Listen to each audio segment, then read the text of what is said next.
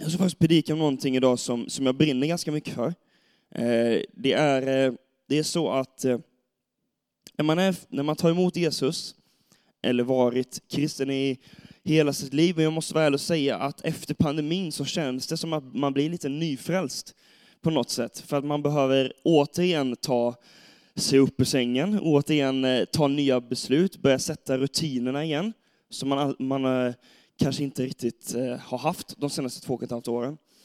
Eh, så för efter pandemin så kändes det lite, för min egen del, att det var som att jag behövde ta ett, eh, nytt beslut, ett nytt commitment. Och det är det jag hoppas att ni ska göra idag. Om det är så att denna predikan inte tilltalar dig alls och jag säger saker som inte alls gäller dig, så, så är det så. Och då får ni bara lyssna vidare. Men jag tror att det är någon som behöver höra detta. Och min predikan idag heter då Vad händer nu? Och eh, vad händer när man har tagit emot Jesus? Och vad händer efter man har tagit emot Jesus snarare? Vad ska man eh, prioritera? Vad ska man sätta för standard? Vad ska man sätta för principer? Eh, och jag ska tala, upp, tala om eh, några principer som jag tror stenhårt på. Det som är grejen när man har tagit emot eh, Jesus och eh, när man ska börja sin eh, resa med Gud, så är det ju så att eh, man lägger, man lägger ett annat fokus. Man eh, lägger sitt fokus på Gud, man ger allting honom. Man ärar honom, man lovsjunger honom med, med allt man har. Med tid, med pengar och med engagemang. Och jag vill idag få dig att tänka som nyfrälst. Hur ser mitt liv ut idag? Har jag ändrat på saker i mitt liv som, eh, som jag kanske borde göra? Och även du som har varit kristen i flera år. Märks det att du är kristen? Efter pandemin så kan det ha varit så att man har hamnat i lite ide, som en björn. Man har på något sätt väntat in att man ska kunna ta sig framåt igen. Och jag vill idag påminna dig och uppmuntra dig till att eh, visa att du är kristen. Och jag vet att livet är i säsonger. Jag har själv varit i säsonger då jag har varit i kyrkan väldigt mycket. Jag har själv varit i säsonger då jag inte alls gillar att vara i kyrkan och vill hellre vara någon annanstans, om jag ska vara helt ärlig. Jag har dock inte haft något eh, val som pastorsbarn, utan jag måste vara i kyrkan alla tre möten i hela mitt liv, som jag hade i Göteborg. Och det var underbart. Men jag vet att vi alla är olika säsonger och ibland så vill vi ge vårt allt och ibland så vill vi helst bara vara hemma och eh, kolla fotboll och ta det lugnt. Så är det i alla fall för mig. Men idag ska jag uppmuntra dig till att sätta en princip som är viktig. Och eh, eh vi ska läsa ett bibelord från Lukas 19. Och jag älskar Lukas. Jättekul. Det är inte första gången du drar det skämtet Lukas, när jag vet. Lukas 19 vers 15 står så här. När han, sa, när han sedan kom tillbaka, vi kan bara lägga lite kontext, det är så att Jesus eh, ska predika till eh, ett gäng människor och eh, han berättar om en liknelse och rubriken är liknelse om pundet. Och det är en kung som delar ut ett pund till tre tjänare. Och det står så här, när han sedan kom tillbaka och hade blivit kung lät han kalla till sig tjänare som han hade gett pengarna. Han ville veta vad det hade tjänat. Den första kom fram och sade, Herre, ditt pund har gett tio pund till. Då sade kungen, bra du gode tjänare, eftersom du har varit trogen i det minsta ska du ha ansvar för tio städer. Den andra kom fram och sade, ditt pund Herre, har gett fem pund. Kungen sade till honom, du ska styra över fem städer. Därefter kom en annan, en, en annan tjänare eh, och sade, Herre, här är ditt pund. Jag har haft det undanlagt i en duk.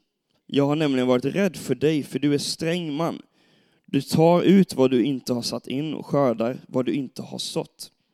Hans herre sade till honom, efter dina egna ord ska jag döma dig. Du usla tjänare, så du visste att jag var en sträng man som tar ut vad jag inte har och satt in och skördar vad jag inte har sått. Innan jag fortsätter så vill jag bara be, Fader jag tackar dig för den här stunden som vi ska ha tillsammans. Jag tackar dig för att du ska välsigna denna predikan, Gud. Jag ber att du ska tala till de som behöver, behöver ett nytt ord, att du ska ge hopp till de som behöver det, att du ska ge hopp och tro och kärlek till de som behöver det, Gud. Jag bara ber att du ska välsigna mig de här minuterna. Eh, I Jesu namn. Amen. Så det är i alla fall en kung som har gett ut tre pund. Om du inte vet vad pund är så är det eh, 100 denarer kan man säga. Och om du inte vet vad 100 denarer är så är det ungefär fyra månadslöner. Så det är ganska mycket pengar. Och eh, det, som, det som kungen då eh, gjorde var att han gav ut dem, eh, en pund till var tjänare. Och eh, en tjänare hade eh, gjort så att det blev 10 pund, en hade gjort så att det blev 5 pund och en hade gömt under en duk. Och eh, när jag läste denna storyn för eh, några veckor sedan så började jag tänka faktiskt på eh, himlen. Eh, det här är min egna tolkning, det kanske är så att det, det inte alls ska tolkas så här, men jag tror att det kan se ut så här i himlen. Och eh, du som, är, du som precis tar emot Jesus kanske är främmande för, för himlen, du kanske inte vet så mycket. Eh, men en dag så ska vi stå inför Jesus och komma in till himmelriket och bli, få en dom över vårt liv. Och eh, det jag vill eh, med den här storyn, det är att jag vill uppmuntra dig till att göra det bästa med det du har. Det är så en pund kan representera massa olika saker. En pund kan representera dina välsignelser, dina gåvor, dina talanger. Det kan representera din frälsning. Det är upp till dig vad, vad du vill att det ska representera. Men jag tror att Gud har gett oss väldigt mycket. Jag vet att han har gett mig extremt mycket. Och att vi på något sätt ska göra det bästa med det vi har för att en dag bli dömda. Och det kan låta, det kan låta hemskt, men för mig, jag kan bara säga mitt egna liv, så ger det faktiskt en, en hopp och tro att jag har en mening på den här planeten. Gud har gett mig saker som han vill att jag ska använda. Gud har gett mig en mål och en mening med varför jag är här just nu på jorden. Och jag vill verkligen uppmuntra dig till idag att det du har i din hand, med den punden, vad det representerar, att du ska göra det bästa vad du kan med det du har. Och det är, det är min första punkt. Ditt bästa är inte någon annans bästa. För vi ska läsa ett annat bibelord, första Korinthierbrevet 9. Vet ni inte av att alla löpare som springer på arenan är det bara en som får priset? Spring så att ni vinner det. Alla som tävlar måste ha disciplin i allt. Det gör det för att vinna segerhansen som vissnar. Vi för att vinna en som aldrig vissnar. Jag springer alltså inte utan att ha mål i sikte. Jag boxas inte likt en som slår i tomma luften. Istället är jag hård mot min kropp och tvingar den till lydnad för att inte själv komma till korta när jag predikar för andra.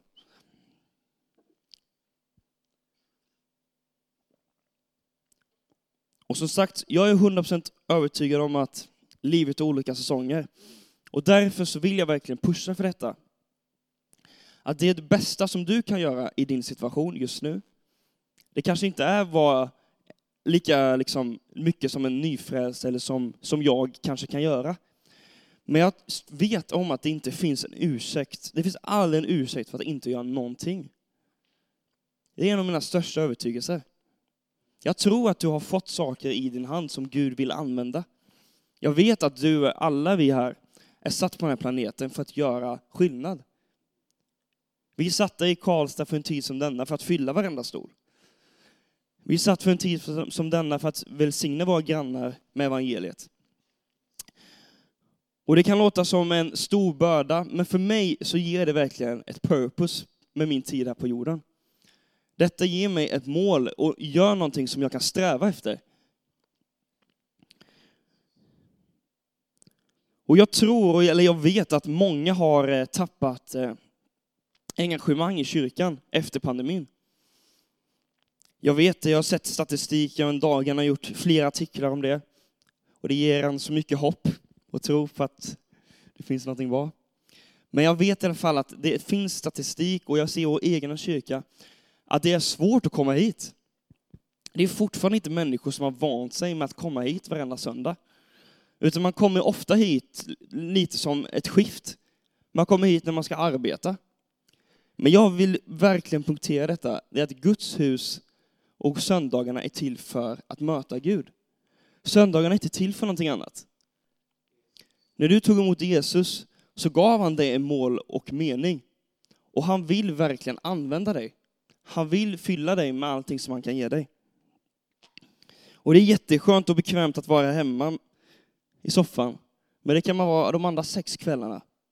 Söndagarna är till för Gud och resan i trons värld, det är verkligen att sätta söndagarna till veckans höjdpunkt. Och det kan vara till och med så att du tycker att eh, mötena är dåliga, att Lukas predikan är dålig, att ljudet är dåligt eller vad det kan, kan vara. Men tack Jesus för att söndagarna handlar bara om Gud. Det handlar inte om hur bra jag predikar, det handlar inte om hur bra du tycker allting är här. Utan det handlar bara om att du ska möta Gud och bli fylld med honom. Och du kommer inte bli mer fylld av honom för att jag predikar bra eller lägger några häftiga citat eller någon klyscha. Utan det handlar bara om att du står på dina knän och söker Gud. Och det står i andra Mosebok 5. Eh, Därefter gick Mose och Aron till farao och sa det, så säger Herren, Israels Gud, släpp mitt folk så att de kan hålla högtid åt mig i öknen. Alltså Gud vill hålla högtid med dig. Gud vill släppa dig från allting, all stress som du kanske har under veckan, all ångest som du kanske får över veckan. Och han vill bara möta dig. Kan vi få ett amen på det? Ja, det är bra. Det är verkligen så. Och Gud har lagt så mycket inom dig. Ett av det bästa, måste jag verkligen säga, att vara pastor, det är att se människor gå in i tjänst. Och gå in och hitta sin plats i det här samhället, men framförallt i kyrkan. Hitta vad Gud har lagt inom en. Och det ser jag varje vecka på fredagarna med, med ungdomarna, men även unga vuxna när vi träffas. Att se människor verkligen hitta sitt purpose. Och jag vill verkligen uppmuntra dig, du som även har varit kristen i många år. Som kanske, jag, jag tror faktiskt pandemin har varit jobbigast för oss. I alla fall att komma ur den. Att hitta tillbaka till principen att söndagarna är veckans höjdpunkt. Det är inte någon börda, det är inte jobbigt, utan vi vill verkligen möta Gud. Jag tycker faktiskt det är underbart. Och det är så att Gud vill ha det här. Som, som jag sa i Mosebok, eller som han sa i Mosebok. Gud vill möta dig. Gud vill möta din familj. Gud vill möta dina grannar, dina kollegor. Han har bestämt träff med oss och en högtid vill han hålla med oss. Punkt nummer två. Varför ska du vara med? Jo, för att du ska växa. Du ska växa. Och jag tror att denna storyn som jag läste om i Lukas, den handlar om tillväxt. Det handlar om tillväxt i, i pund, just i denna storyn. Men jag tror att vi alla kan växa. Och det fina med det, det spelar ingen roll som, eh, som kungen sa, det spelar ingen roll om du har växt till 10 eller 5 pund, utan det handlar bara om att man ska växa.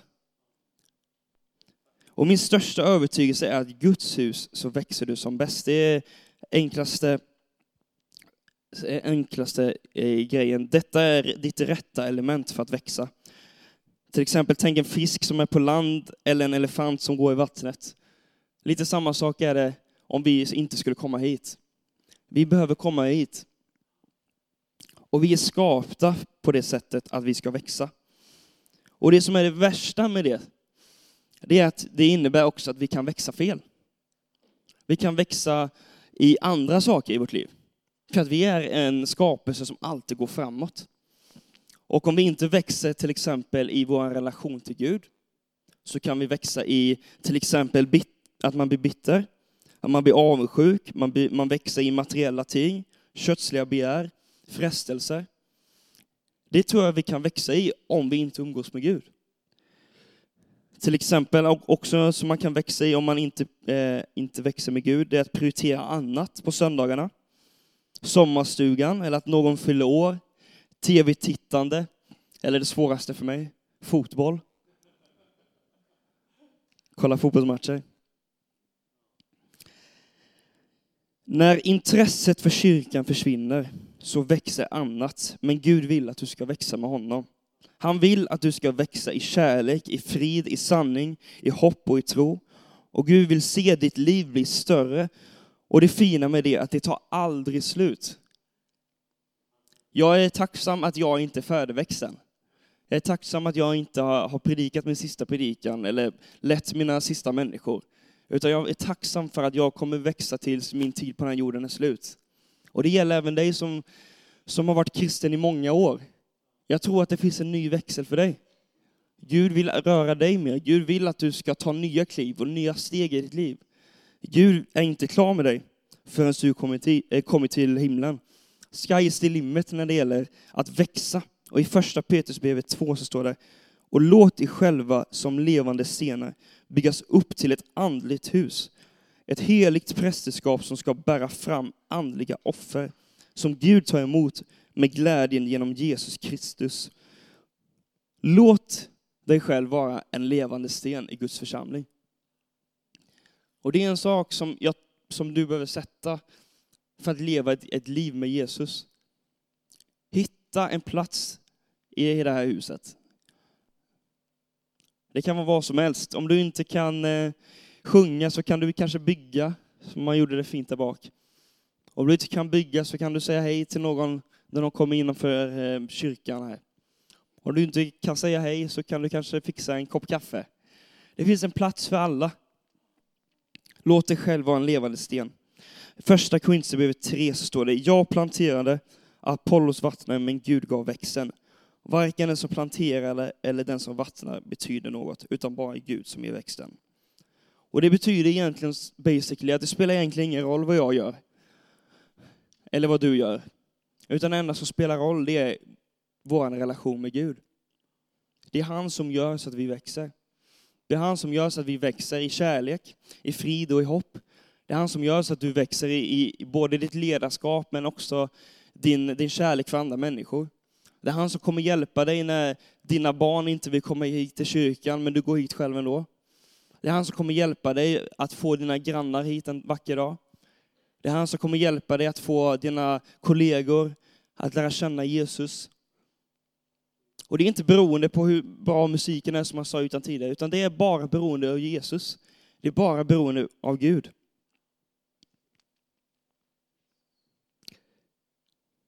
Men jag ska vara ärlig och säga, du växer inte med Gud om du inte är här.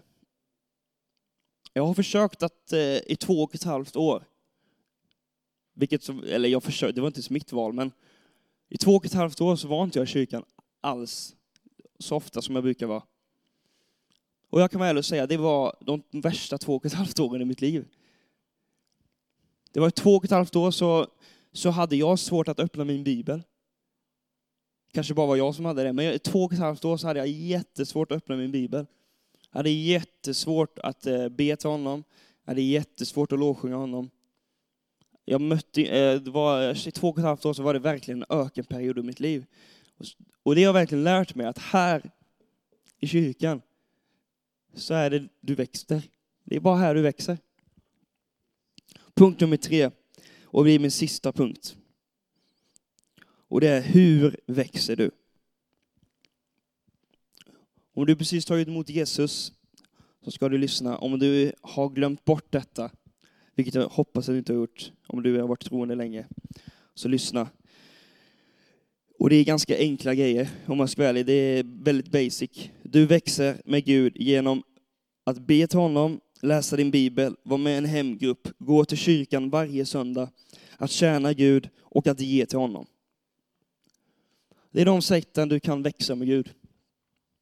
Som bäst, tror jag. Sam kanske har andra saker, men jag tror detta. Alltså att bön blir din prioritet, att bibelläsandet sker varje dag, tror jag stenhårt på. Att hemgrupper ska du vara med i, att kyrkan varje söndag är nödvändigt och att tjäna Gud, det är fantastiskt och att ge till honom med ekonomi. Och vilka, och detta är min fråga till dig, vilka av dessa områden kan du ta till nästa nivå? Vilka har du tappat under pandemin? Och vilka kan du växla upp? Och jag tror faktiskt, jag hoppas det, jag tror att du vill växa. Alltså när jag, när jag ser över er här så ser jag ganska många tomma säten. Och det får mig att vilja växa ännu mer. Det får mig vilja umgås med Gud mer. Det får mig vilja be och läsa Bibeln ännu mer. Och jag hoppas att det är samma sak till dig. Att om det är tomt i den, det sätet som är bredvid dig, att det ska vara din granne som sitter där.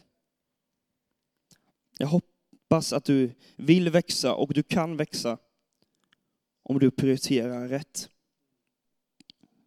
Och jag vill få dig idag att känna att din resa med Gud ska handla om tillväxt. För tillväxt vill Gud ha. Gud vill att du ska växa, men Gud vill också framförallt att församlingen ska växa. Och det är så att vi vill i vår församling, eller jag i alla fall, jag vill ha, jag vill ha fler människor här på söndagarna. Jag vill ha fler dop på söndagarna.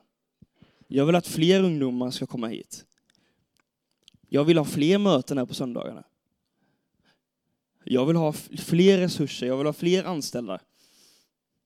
Jag vill, ha, jag vill bara ha fler, om man ska vara ärlig.